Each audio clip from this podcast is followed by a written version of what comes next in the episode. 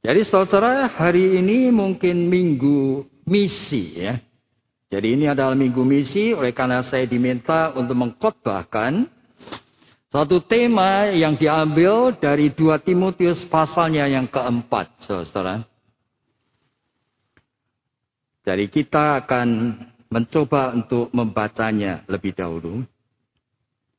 Dari 2 Timotius pasal yang keempat, ini adalah surat dari Rasul Paulus kepada anak rohaninya yang bernama Timotius. Di hadapan Allah dan Kristus Yesus yang akan menghakimi orang yang hidup dan yang mati. Aku berpesan dengan sungguh-sungguh kepadamu demi penyataannya dan demi kerajaannya. Beritakanlah firman. Siap sedialah baik atau tidak baik waktunya. Nyatakanlah apa yang salah. Tegurlah nasihatlah dengan segala kesabaran dan pengajaran. Karena akan datang waktunya, orang tidak dapat lagi menerima ajaran sehat. Tetapi mereka akan mengumpulkan guru-guru menurut kehendaknya untuk memuaskan keinginan telinganya. Mereka akan memalingkan telinganya dari kebenaran dan membukanya bagi dongeng. Tetapi kuasailah dirimu. Di dalam segala hal, sabarlah menderita, lakukanlah pekerjaan pemberitaan Injil, dan tunaikanlah tugas pelayananmu. Ini kata-kata Paulus dalam bentuk imperatif ya. Keras sekali, straightforward kepada Timotius. Saya akan membaca satu ayat lain dari Yehezkiel, saudara Yehezkiel pasal yang ketiga, ayatnya yang ke-18. Yehezkiel pasal 3, ayatnya yang ke-18. Kalau aku berfirman kepada orang jahat, engkau pasti dihukum mati dan engkau tidak memperingatkan dia atau tidak berkata apa-apa untuk memperingatkan orang jahat itu dari hidupnya yang jahat. Yaitu supaya ia tetap hidup, maka orang jahat itu akan mati di dalam kesalahannya. Tetapi aku akan menuntut pertanggungjawaban atas nyawanya daripadamu. Jadi jemaat yang dikasih Tuhan, kita akan memikirkan di dalam minggu misi ini. Yang saya percaya sekali saudara mengerti, pada minggu misi memang secara khusus, kita itu diingatkan mengenai mengapa Yesus Kristus yang sudah menebus dan menyelamatkan saudara-saudara dan saya, masih menempatkan kita di dunia ini. Di Yohanes pasal yang ke-17, itu diingatkan bahwa dunia yang gelap ini, itu akan memusuhi kamu. Jikalau kamu dan saya betul-betul hidup di dalam kebenaran firman-Nya. Tetapi kenapa tetap ditempatkan di tengah dunia? Jadi oleh karena Kristus sendiri tahu bahwa sebetulnya demonstrasi atas kemenangan yang saudara alami oleh karena kematian dan kebangkitan Kristus. Seharusnya menjadi suatu demonstrasi di tengah dunia yang gelap ini bahwa ada jalan keselamatan, ada pengharapan, ada kesempatan untuk bertobat. Dan itulah sebabnya gereja yang ditempatkan di tengah dunia selalu menjadi gereja yang terpanggil untuk menjadi gereja yang bermisi di tengah dunia. Nah, saudara biasanya kita mengambil daripada Matius pasal 28. Saudara. Pergilah. Jadikanlah semua bangsa itu muridku. Baptiskanlah mereka demi nama Bapa, Putra, dan Roh Kudus. Dan ajarkanlah kepada mereka. Segala sesuatu yang aku sudah ajarkan kepadamu. Saudara itu disebut sebagai Great Commission. Dan hari ini, saya diminta tidak mengotbahkan itu, saudara. Tetapi dari 2 Timotius pasal yang keempat. Jadi kalau di dalam Matius pasal 28 itu dikatakan Great Commission. Supaya kita pergi memberitakan Injil. Maka di dalam 2 Timotius pasal yang keempat. Paulus itu mengatakan suatu kalimat. Beritakanlah firman. Siap sedialah. Baik tidak baik waktunya. Jadi kalau satu itu yang pertama tadi Great Commission. Ini adalah yang kedua adalah redemptive mission. Jadi mari kita pikir bersama-sama. Kenapa gereja ini kok memilih akan ayat ini. Supaya kita itu paham. Setelah pada saat kita berbicara mengenai Great Commission. Pergilah Jadikanlah semua bangsa itu menjadi muridku. Di seluruh dunia ini, kira-kira sekarang ini manusia yang hidup itu mungkin 7,6 miliar. Dari 7,6 miliar orang. Kira-kira cuma 2,3 miliar Kristen Katolik. Jadi kira-kira masih 2 per 3 yang masih belum mengenal Tuhan Yesus. Dan di dalam iman seperti apa yang Yesus katakan, mereka belum diselamatkan. Begitu banyaknya orang. Sehingga Yesus terus-menerus mengulang-ulang. Pergi, jadikan semua itu muridku. Baptiskanlah demi nama Bapa, Putra, dan Roh. Saudara Great Commission ini ini kadang-kadang kita itu lalaikan. Tetapi banyak juga yang sudah melakukan, tetapi efeknya tidak terlalu baik. Nah, saudara, Bill Bright, itu dari Campus Crusade for Christ, itu mencoba untuk memberikan suatu formula, supaya setiap orang Kristen jangan takut mengabarkan Injil, oleh karena mengabarkan Injil itu sebetulnya mudah sekali. Memakai four spiritual law. Yuk katakan yang pertama. Dari Roma pasal 3 ayat 23. Semua manusia sudah berdosa. Lalu katakan selanjutnya dari Roma pasal 6 ayat 23. Upah dosa itu maut. Tapi kasih karunia Allah adalah keselamatan dalam Yesus Kristus. Lalu katakan yang ketiga. Dari Yohanes pasal yang ketiga 16. Maka demikianlah besar kasih Allah kepada dunia. Barang siapa yang percaya kepadanya. Tidak akan binasa. Allah sudah mengutus anaknya yang tunggal. Barang siapa yang percaya kepadanya tidak akan binasa. Lalu ayat yang keempat bisa diambil dari Roma 10. Bisa diambil dari kisah Rasul-Rasul 16 ayat 31. Percayalah kepada Tuhan Yesus. Kamu dan seluruh keluargamu akan diselamatkan. Saudara saya ingat ketika saya masih di sekolah teologi ya. Yang pertama ya, STT Jakarta dulu. Tahun 1966 itu saya diajarin untuk PI, oleh kakak tingkat saya. Dengan four spiritual law. Dan saudara saya itu lihat tukang rokok. Kemudian ketika saya hampiri, begitu saya ngomong yang pertama itu. Dari Roma pasal 3 ayat 23. Aneh sekali. Rupanya orang itu sudah lama berpikir mau jadi Kristen.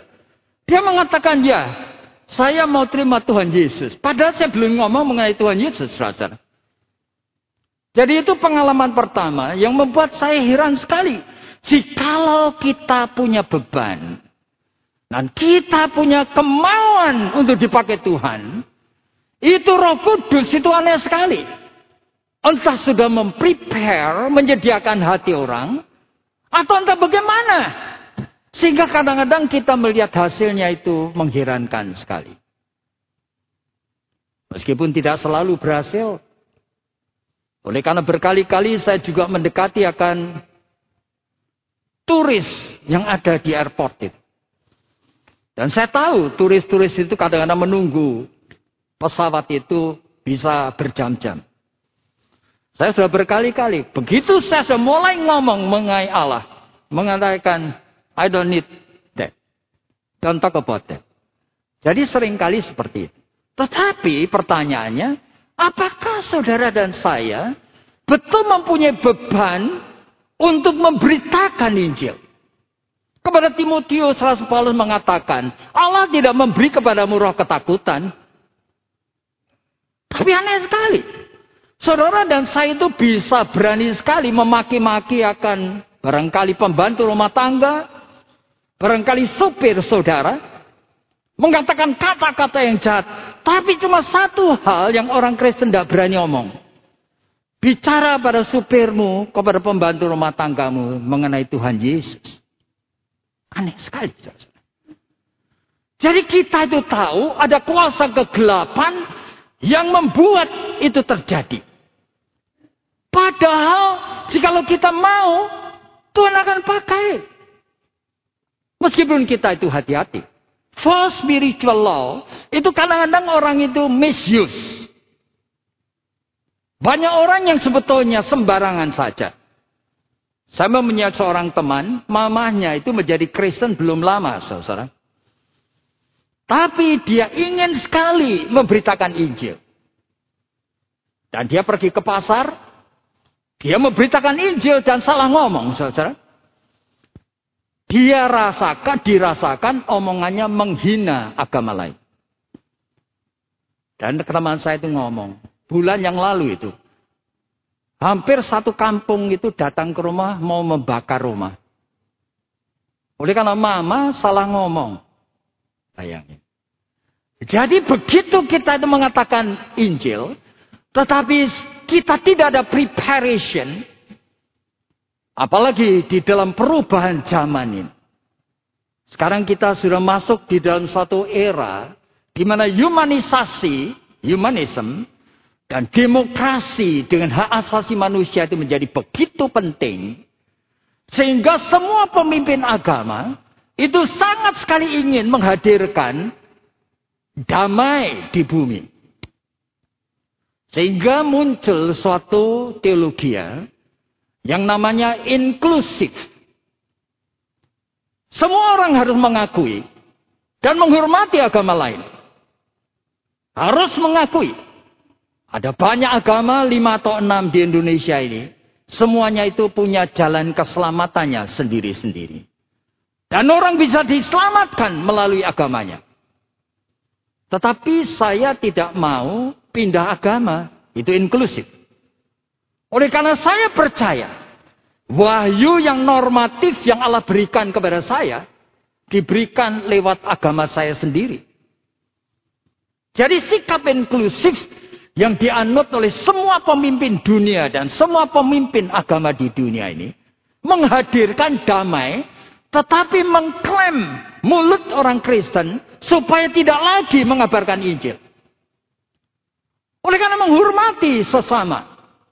Ini adalah hak asasi manusia. You boleh mengatakan dirimu, agamamu itu baik. But don't ever say agama orang lain itu wrong. Nah, itu humanism dari demokrasi yang sudah hadir di dalam dunia ini. Saudara kita itu berada dalam kondisi yang tidak mudah. Tetapi saya percaya Allah itu tetap Allah yang hidup. Dan roh kudus tidak pernah kehilangan akal untuk memberikan ide dan wisdom kepada saudara untuk bisa memberitakan Injil. Cuma apakah saudara dan saya mau dipakai? Kalau saudara melihat papamu itu belum percaya kepada Tuhan. Bahkan sehari-hari itu, kalau ngomong dengan kamu itu selalu marah-marah. Tetap saudara itu harus memberitakan Injil kepadanya. Lalu bagaimana? Ya saudara doakan dia. Saudara juga punya preparation di dalam hatimu. Nanti kalau papaku ngomong ini, jawabnya gimana? Saudara mengenal dia. Saudara bisa prepare. Ada lima enam kemungkinan kalimat yang keluar dari papamu. Dari mulut papamu. Kalau you tidak punya preparation, ya tidak bisa. Kalau kurang wisdom, tanya pendeta. Nanti kalau papamu ngomong begini, saya jawabnya bagaimana? Tapi yang penting itu doakan. Supaya kasih Allah dalam Kristus itu mengalir dalam hidupmu. Sehingga kamu melihat papamu itu. Betul-betul itu sama seperti Kristus melihat dia. Dan Tuhan nanti akan menyediakan timingnya. Waktunya. Readinessnya. Kesiapan dari papamu itu. Entah kenapa tidak ada hujan, tidak ada angin. Tiba-tiba di meja makan itu dia tiba-tiba akan ngomong. Ngapain sih kamu sering-sering ke gereja? Nah, saudara, kadang-kadang Tuhan nanti menghadirkan readiness. Jikalau saudara minta. Saudara banyak orang itu. Sudah mau melatih dirinya pun, belum tentu dia itu tahu timing yang Tuhan sudah berikan.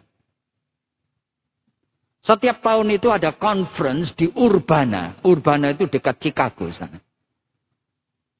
Ketika zaman saya bisa lebih dari seribu mahasiswa itu hadir. Dilatih penginjilan. Itu oleh Billy Graham dulunya. Ada seorang pemuda mahasiswa itu bersama temannya diutus dua-dua masuk ke downtown Chicago. Malam hari. Dia menginjili orang. Lalu ada seorang pengemis di pinggir jalan orang tua itu. Sambil menggigil itu oleh karena kedinginan. Dia datangin, diinjilin. Tapi tetap orang itu mengatakan, give me a cup of soup. Beri kepadaku semangkok sup. I'm hungry. Diinjilin, give me a cup of soup. Dua orang pemuda ini, ah sini orang pengemis, maunya cuma makanan aja. Dia tinggal pergi. Tapi salah seorang daripadanya malam itu tidak bisa tidur. Dia itu pikir, kenapa saya tidak kasih sup ya kepada dia? Dia agak enak sekali naik taksi, dia pergi ke tempat itu. Ternyata saat itu melihat ambulans di sana. Ada orang yang diangkat oleh karena mati di pinggir jalan. Ya orang itu. Saudara Yesus kan mengatakan di dalam Matius pasal yang ke-25. Pada masa aku ini lapar, engkau memberi aku makan. Pada masa aku di penjara, engkau mengunjungi aku. Pada masa aku itu telanjang, engkau kasih aku pakaian. Lalu murid-murid mengatakan, kapan aku melihat engkau begitu? Segala sesuatu yang kamu lakukan untuk orang yang hina itu adalah perbuatanmu kepadaku. Jadi penginjilan, meskipun kita itu ada keinginan tapi dan sudah ada preparation dengan baik. Kadang-kadang kita itu miss the point di mana Holy Spirit itu sedang menggerakkan kita. Oleh karena apa? Kita masih kurang di dalam preparation kita. Kadang-kadang oleh karena kemalasan. Oleh karena sungkan. Chuck Swindoll itu pernah ceritakan seorang pendeta dari Fullerton dulu, kemudian menjadi presiden dari Dallas Theological Seminary. Dia mengatakan ada satu keluarga ingin sekali menginjili, tapi tidak berani, ditunda lagi, ditunda lagi, tetangga.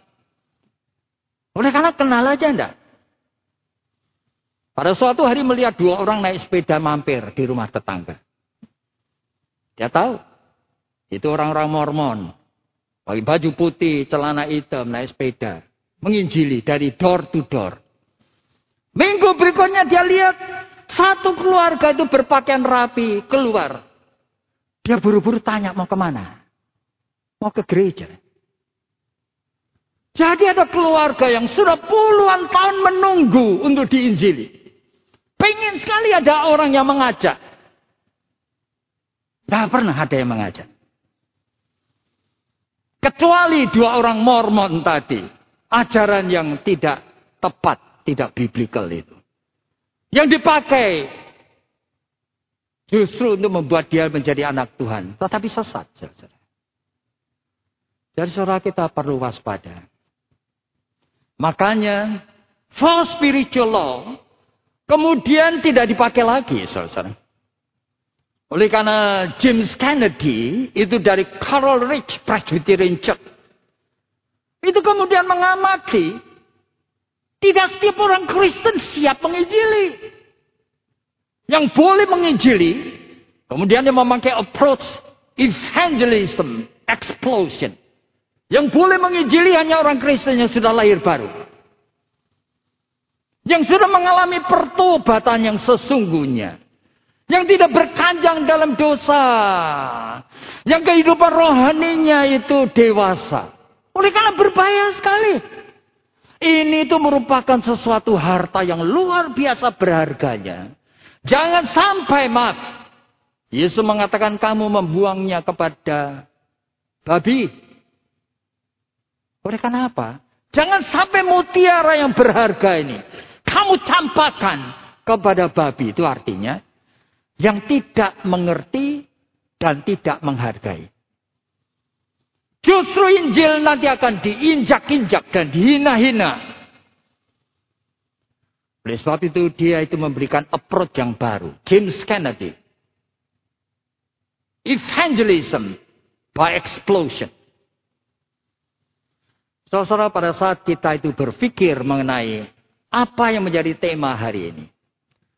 Ternyata bukan fokus hanya kepada penginjilan. Meskipun dalam Matius pasal 28. Yesus juga mengatakan kalimat ini. Baptiskan. Demi nama Bapa, Putra, dan Roh. Kemudian dia mengatakan apa? Ajarkanlah. Segala sesuatu yang aku sudah ajarkan kepadamu. Nah, di dalam konteks 2 Timotius pasal yang keempat. Ini bukan Great Commission tetapi ini redemptive mission. Redemptive dari kata redeem. Membebaskan. Menebus. Kenapa? Redemptive mission itu diberikan Rasul Paulus kepada Timotius supaya mengerti. Jangan cuma melihat dunia luar yang belum menjadi Kristen, belum ke gereja. Lihat di dalam gereja. Supaya kita waspada dengan sungguh-sungguh. Gereja-gereja yang ada di dunia ini. Termasuk di dalam gereja kita ini. Apa betul mereka sudah kenal Tuhan Yesus? Oleh sebab itu kepada Timotius itu Rasul Paulus mengatakan. Beritakanlah firman itu. Ajarkanlah firman itu baik tidak baik waktunya. Kamu mesti siap sedia selalu. Dalam Matius pasal yang ketujuh itu Rasul eh, Tuhan Yesus pernah mengatakan, banyak orang yang ngaku-ngaku dirinya itu sudah percaya. Tuhan, bukankah aku ini sudah mengusir setan demi namamu? Bukankah aku sudah menubuat demi namamu? Yesus mengatakan, siapa kamu? Aku tidak pernah kenal kamu. Anyalah dari depanku. Kamu pembuat kejahatan. Loh, kok bisa begitu? Dalam Lukas pasal 13. Tuhan bukankah ke mana-mana engkau pergi, aku selalu ikut. Kita sering kali loh duduk makan bersama-sama. Kalimat yang sama diucapkan lagi kepada Yesus, kepada orang ini. Siapa kamu? Aku tidak pernah kenal kamu. Hanyalah dari depanku. Kamu pembuat kejahatan. Jadi ini adalah umpulan orang-orang Kristen, saudara. Yang mungkin setiap minggu datang ke gereja. Tetapi sebetulnya belum betul-betul diselamatkan. Oleh karena jiwanya masih terjerat dengan dunia ini. Di dalam 1 Yohanes pasal yang kedua itu disebutkan. Jangan kamu mencintai dunia. Dengan segala apa yang ada padanya. Oleh karena itu akan lenyap. Jangan kamu khawatir. Untuk apa yang kamu butuhkan di dunia ini. Jikalau kamu terus preoccupied dengan kekhawatiran. Matius pasal 6 ayat 32 mengatakan apa? Apa bedanya kamu dengan orang yang tidak kenal Allah? Dialah burung-burung di udara itu. Dialah bunga-bunga bakung di pinggir jalan. Bukankah Tuhan menghiasi semuanya itu? Lebih indah daripada apa yang dipakai oleh Salomo di dalam istananya. Jadi ini masalah iman. Tetapi iman yang hadir di dalam mayoritas orang Kristen. Ternyata saudara. Adalah iman yang belum tanda petik menyentuh esensi dari iman. Loh apa? Saya tidak akan mengulang cepat-cepat eh, semuanya, tapi saya akan katakan aja. Pernah saya mengatakan di tempat ini. James Fowler itu menemukan hasil risetnya bahwa ternyata ada tujuh macam level iman. Jadi orang Kristen kalau level imannya paling rendah, oleh karena struktur jiwanya sederhana banget, namanya undifferentiated faith. Dia ke gereja itu tidak ngerti untuk apa. Di gereja dia main HP terus, dia bahkan lihat buku buletin yang tidak ada isinya untuk kipas-kipas, tapi tidak tertarik dengan pemberitaan firman sama sekali. Tapi kalau levelnya lebih baik lagi dikit. Nah, imannya dinamakan intuitive projective faith. Itu orang-orang Kristen yang sebetulnya intuisi atau feelingnya sudah mulai bekerja. Kalau ditanya, ngapain ke gereja? Ya aku senang di gereja. Apa yang kamu senang? Aku senang puji-pujiannya. Aku senang suasana gereja. Aku senang persekutuannya. Tapi bukan oleh karena aku senang dekat dengan Tuhan.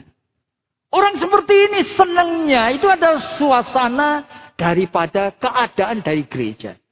Barangkali oleh karena dia diminta menjadi pemain piano. Selama bertahun-tahun melayani. Tapi sebetulnya setiap kali mendengarkan firman Tuhan, dia tidak tertarik. Jadi itu intuitive projective faith.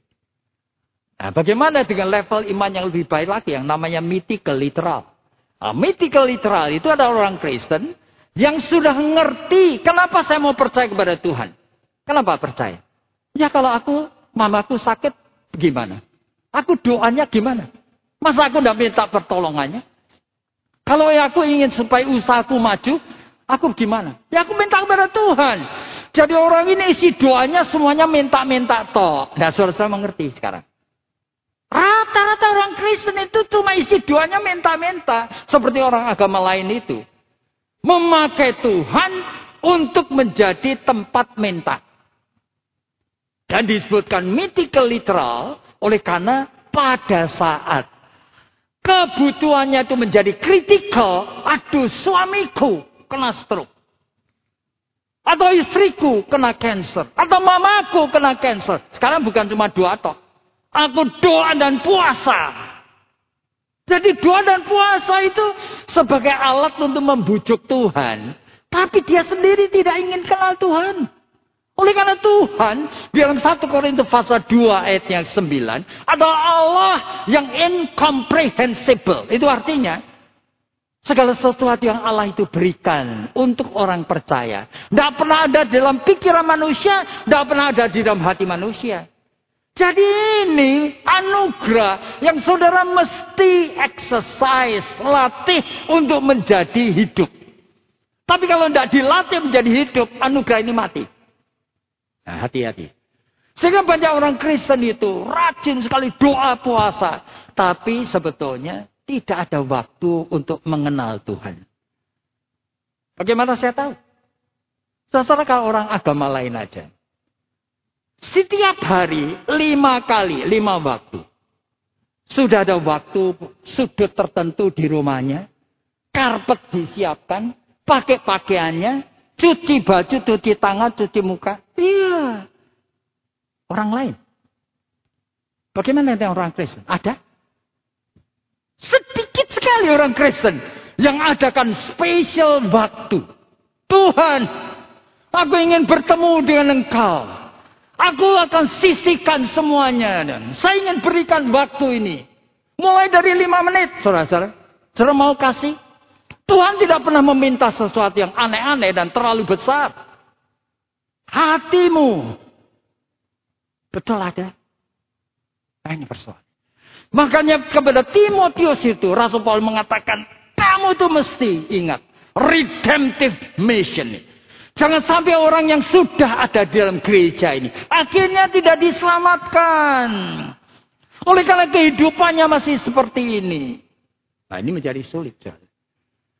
Kalau ini sekarang diaplikasikan, ya kan? Dengan apa yang Tuhan Yesus eh, Paulus katakan. Paulus mengatakan beberapa hal. Karena dalam jemaatmu itu bukan hanya ada orang-orang mengajarkan ajaran sesat, tetapi ada budaya yang aneh sekali. Paulus mengatakan, banyak yang ingin belajar firman, tapi tidak pernah mengenal kebenaran. Bahkan ada yang sungguh-sungguh kelihatannya luar biasa ya. Tetapi yang diinginkan di dalam pasal tadi yaitu mendengar ajaran guru-guru palsu. Dongeng-dongeng. Mirip Alkitab. Tapi untuk memuaskan telinganya sendiri. Ada di situ tadi. Bukan? 2 Timotius pasal 4. Billy Graham pun pernah ketipu. Saudara. Di dalam National Council of Churches. Tahun 1966. Billy Graham itu di muka banyak orang pendeta seluruh dunia. Eh seluruh Amerika saat itu. Dia ngomong kalimat ini. I do not know of anyone who had done more, eh, they had done for the kingdom of God more than Reverend Vincent Peale. Bayang. Dia tahu. Tidak ada, aku tidak pernah kenal. Orang yang lebih di dalam melakukan hal untuk kerajaan Allah. Lebih daripada Vincent Peale. Vincent Peale itu siapa? Seorang pendeta yang ngajarin positive thinking, saudara. Dari positive thinking, sekarang lahir di seluruh dunia gereja-gereja yang prosperity teologi. Teologi kemakmuran. Nah di Indonesia aja, tahun ini gereja tersebut itu, cabangnya bertambah 500. You lihat daripada apa yang ditemukan oleh Pak Handi Irawan. Tahun ini toh, tambah 500. Ini ajarannya rasanya dari Alkitab, saudara.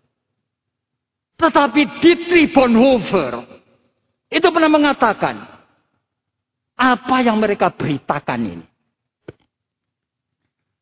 Christ without cross. Kristus tanpa salib. Isi beliefism. Yaitu percaya yang mudah. Menyenangkan. Dan kita perlu waspada. Yang kemudian dia tarik kesimpulan dengan satu hal. Yang mereka beritakan. A cheap grace. Anugerah murah. Sehingga tidak perlu Allah itu mati di atas kayu salib. Dan jangan berpikir mengenai salib-salib. Oleh karena Tuhan menginginkan kehidupanmu di dunia ini makmur. Apa tidak boleh orang itu punya keinginan hidup di dunia makmur? Ya boleh. Tapi jangan diatur nafsu. Ingat. Nafsu dengan keinginan. It's two different things. Dan ini dari Norman Vincent Peale. Yang sebetulnya mungkin maksudnya baik. Sudah dampaknya itu merusak semua gereja. Sekarang paling laku adalah gereja kayak gitu, saudara. Senang sekali mendengarkan persis seperti motivator-motivator itu khotbahnya. Saudara bisa bayangkan. Motivator baik. Baik. Menstimulit potensi manusia. Tapi ini bukan Injil. Injil must be from the scripture. Dan Yesus mengatakan jikalau kamu tidak memikul salibmu. dan menyangkali dirimu. You tidak bisa menjadi muridku. Jangan dibuang itu. Itu menjadi sesuatu realita. Kenapa itu? Christ has to die for us. Jadi kepada Timotius Rasul Paulus mengingatkan, beritakanlah firman. Yang benar ini. Siap sedia berarti anytime. Dalam setiap percakapan. Luar biasa sulitnya. Kalau tadinya Timotius ini berdiri di mimbar, ming seminggu sekali atau seminggu dua kali khotbah beritakan firman. Sekarang Paulus mengatakan siap sedia. Baik nggak baik waktunya. Beritakanlah firman. Luar biasa. Berarti bukan cuma di mimbar. Di dalam daily conversation ini. Makanya di dalam kolose pasal yang ketiga. Paulus itu mengingatkan dan mengatakan kalimat seperti ini. Biarlah kebenaran firman Tuhan. Hadir dengan limpahnya di dalam hidupmu. Sehingga kamu jemaat ini kalau ketemu satu dengan yang lain. Saling menegur, saling memberitakan firman. Wah biasa ya. Sambil menyanyikan mazmur dan puji-pujian. Berarti kepada Timotius, Paulus itu sadar sekali. Gereja tidak bisa menjadi sekedar agama. Tidak boleh. Nanti kita jatuh kepada kesalahannya gereja di Efesus, gereja di Laodikia. Waduh, ini menjadi gereja agama luar biasa sekali. Yang ekspansinya ke seluruh dunia. Tetapi mereka itu sebetulnya bukan gereja yang sejati. Ini semua penginjil yang dilakukan baik oleh Efesus dan Laodikia ini. Ini adalah proselitisme. Bagaimana mengembangkan jumlah Cabangnya itu ratusan. Waduh, hati-hati semua. Oleh karena Yesus mengatakan dalam suratnya. Bahwa bukan itu yang dia kehendaki. Sehingga terpaksa untuk gereja Laodikia. Orang Kristen yang orang Kristen yang sudah begitu rajinnya. Loyalnya untuk memberitakan Injil, mengembangkan gereja. Saudara, ketika saya melihat di National Geography, itu bagian history ya. Pas kebetulan Turki muncul ya. Saya ikutin Turki menarik sekali. Antara lain kota Lodikia. Bekas gereja Lodikia itu. Itu heran. Mosaiknya itu bekas tegelnya. Semuanya itu the best pada zamannya. Gereja itu besar sekali. Runtuhannya masih ada. Semua mosaiknya itu yang hanya bisa dipakai di Kaisar Romawi. Jadi berarti kaya luar biasa. Tapi di hadapan Tuhan ini gereja yang suam, menyedihkan. Bahkan tidak merasa dirinya itu lemah. Aku kaya, aku kuat, aku apa pada Yesus kamu tidak ngerti kalau dirimu itu telanjang, kamu miskin dan kamu borokan. Tidak tahu mereka. Kepada gereja yang seperti ini. Sampai seolah-olah prinsip doktrin yang paling tinggi. Apa itu? Kristus mati satu kali. Untuk menebus kamu dan saya. Itu kan prinsip. Tidak mungkin dua kali, tiga kali. Tapi untuk gereja yang seperti ini. Dalam Wahyu pasal 3 ayat 20. Yesus itu memperlakukan mereka seolah-olah mereka itu belum percaya. Aku berdiri di muka pintu sambil mengetuk. Jika kamu dengar, open your door. Let me in. Seolah-olah Yesus menawarkan lagi. Untuk diterima sebagai Tuhan dan Juru Selamatnya. Saudara ini tragedi dari kehidupan orang Kristen. Jikalau kita tidak sadar, yang kita lakukan sebetulnya apa? Dan ini zamannya uh, Timotius sudah kayak gitu. Akan tiba waktunya. Tuhan, meskipun saudara itu bukan pendeta, saudara bukan majelis gereja pun, saudara tahu, this is for you and me. Beritakanlah firman. Siap sedialah. Baik tidak baik waktunya. Berarti saudara-saudara tahu. Sebagian besar dari saudara itu tidak pernah mau ikut PA. Pemahaman Alkitab itu kira-kira hanya diikuti cuma 2% dari gereja. Rata-rata seperti itu.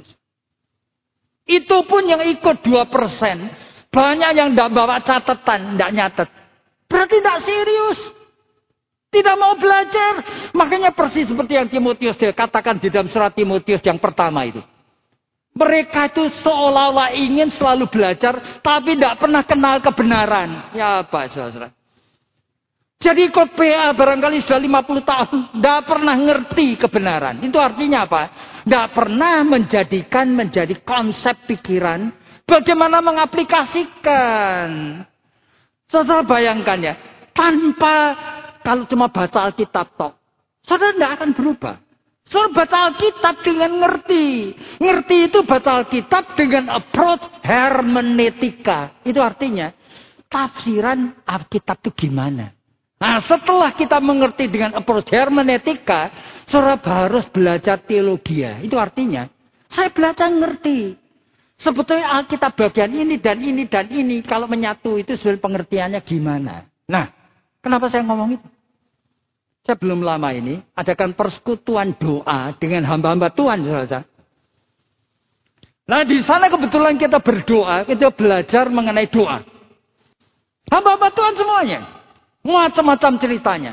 Saya simpulkan dengan satu simpulan sederhana. Saya mengatakan begini. Kalau sampai kamu mempunyai orang yang paling kamu cintai saat ini sedang sekarat, mata mau mati. Entah kena stroke dan tidak bisa ngomong, keluar ileri. Entah kena cancer yang sudah menjalar ke mana-mana. Kamu doanya gimana? Diam semua hamba Tuhan ya. Gak ngerti. Lalu satu itu ngomong, Papaku dulu kayak gitu. Ketika bertemu dengan dia dalam keadaan stroke. Aku tidak ngerti mau ngomong apa. Aku cuma bertangis-tangisan sama dia. Pelukan. Saya mengatakan. Ingat. Nah, yang bisa menjelaskan ini. Membuat dia tidak lalu kecewa. Toh. Kok cuma bisa tangis-tangisan sama mama papaku? Aku mengatakan, di dalam tangis-tangisan, di dalam kamu tidak ngerti mesti doa apa. Kamu ingat, Roma pasal 8, Rasul Paulus mengatakan apa? Kamu memang tidak ngerti doa. Tetapi roh kudus mengerti hatimu. Dan akan menolong kamu mengatakan isi doamu yang tidak terkatakan dengan kata-kata itu. Keluh kesahmu kepada Tuhan di surga. Kamu dipertemukan sama papamu dalam cinta kasih Kristus. That's God. Lalu yang lain. Ada seorang yang cerita sekarang mamanya. Yang lagi kena cancer dan stadium keempat. Plus sekarang itu sudah dirawat di rumah sakit. Sudah lebih dari satu bulan. Tiba-tiba muncul halusinasi seperti orang psikotik. Wah lihat ini, lihat itu apa. Lalu saya tanya kepada hamba Tuhan. Perempuan ini hamba Tuhan. Apa yang kamu rasakan? Saya jujur Pak. Saya bukan cuma tidak tahu berdoa. Saya capek. Sampai kapan? Saya mesti nungguin mama saya seperti ini. Saya mengatakan, yuk masih hati-hati. Gitu ya. Oleh karena iblis itu ingin supaya di dalam kecapean kamu, kamu tidak berdoa lagi. Kamu pasrah pasif. Nunggu aja mamaku matinya kapan. Waduh.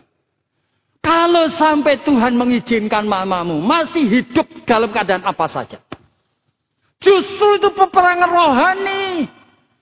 Yang sadinya itu kamu masih tahu how to ask. Kamu masih mempunyai pertimbangan tertentu di hadapan Tuhan. Bagaimana meminta. Sekarang tidak punya. Itu waktunya. Kamu itu dependent. Menggantungkan dirimu kepada Tuhan. Tuhan Lord Jesus. Teach me how to pray. Jangan mandek. Jangan melayani perasaan fetik capek ini. Hati-hati. Jadi saudara berteologi ya. Itu artinya mencoba untuk melihat. Sebetulnya penerapan dari firman Tuhan itu di dalam kondisi ini tuh gimana. Di kondisi itu tuh gimana. Iya. Jadi setiap kita Dipanggil memberitakan firman tetapi juga mesti belajar untuk berteologi. Makanya pada saat saya lihat di dalam bagian ini. Saya mulai merasa. Paulus itu sebetulnya memberikan beban terlalu berat untuk Timotius. Oleh karena apa? Tidak bisa diselesaikan tanpa merombak seluruh sistem bergereja. Kalau bergereja itu sistemnya hanya beragama seperti kita ini. kumpul-kumpul nanti ada kegiatan ini, kegiatan itu. Tidak pernah equipping, melengkapi jemaat. Untuk betul-betul nanti ketemu temannya di dalam konteks apa saja. Dia ingat dia bagaimana memberitakan firman. Oleh karena firman itu dia tidak kenal. Dan dia, dia tidak tahu ngomongnya apa. Sehingga kalau sistem dalam jemaat itu harus diperbarui. Apakah kita itu siap? Secara modelnya itu selalu harus dari hamba Tuhan. Saya kadang-kadang itu heran ya. Saya dulu itu kalau kot, apa, gereja, ke, ke, gereja kalau lagi di Amerika itu sering kali ke Fullerton. Saat itu Chuck Swindoll itu masih menjadi pendetanya.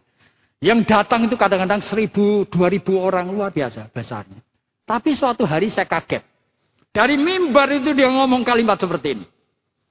Jikalau saudara-saudara datang ke gereja tetapi tidak mau dibina untuk lebih mengenal dan mengasihi Yesus Kristus dan firman-Nya. Ini ulang ya.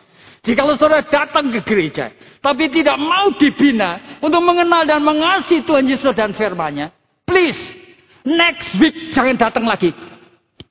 Saya. Pendeta kok ngusir jemaat. Tapi saya pikir-pikir, dia ngerti sungguh ini. Jangan sampai gereja ini hanya menjadi agama. Orang datang-datang tok untuk denger-dengerin. Enggak. Francis Chen itu seorang pendeta dari Hong Kong, pindah di LA. Dia kemulai dari Ciro menjadi 1.600 orang anggotanya. Pada suatu hari dia realize. Kenapa? Orang itu ngomong-ngomong selalu ngomong mengenai dirinya. Jadi orang-orang ini datang ke gereja karena mau dengar khotbahnya. Orang-orang datang ke gereja karena mencintai khotbahnya. Orang-orang itu datang ke gereja karena mengagumi dia. Waduh, dia mengatakan, Yesus itu di mana? Dalam keadaan sangat dikagumi, dia kemudian resign. Jadi nanti bulan depan saya berhenti. Oleh karena ini sudah menjadi budaya yang wrong. Orang datang mau dengerin khotbah kotok.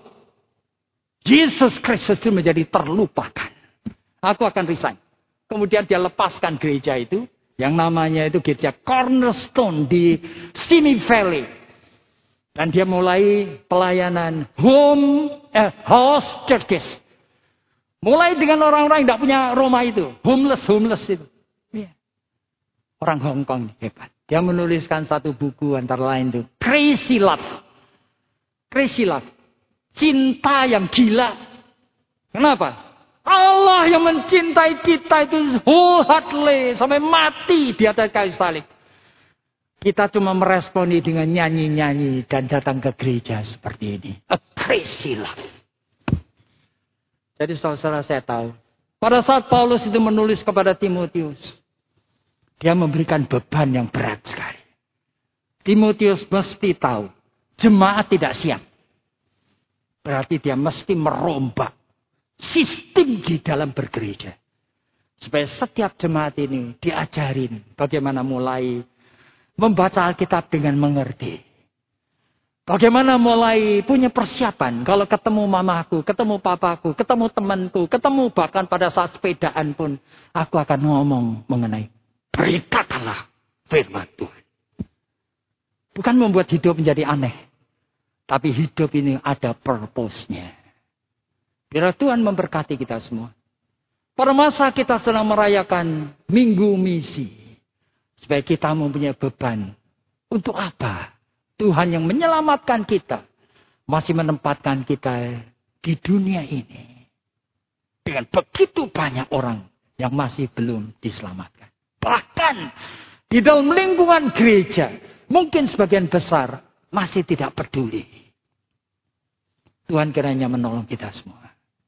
Mari kita tunduk kepala dan kita katakan dari hati kita, Tuhan Yesus. Kami berterima kasih oleh karena kami adalah milikmu. Dan kami tahu Tuhan, Engkau mempunyai purpose yang baik dalam hidup kami. Tolong supaya kami tidak menjadi sia-sia Menjadi orang Kristen yang hanya beragama. Tapi sama seperti yang engkau katakan kepada Timotius. Kami belajar untuk siap sedia. Baik tidak baik waktunya. Mengucapkan dan memberitakan kebenaranmu. Dalam nama Tuhan Yesus. Kami sudah berdoa. Amin.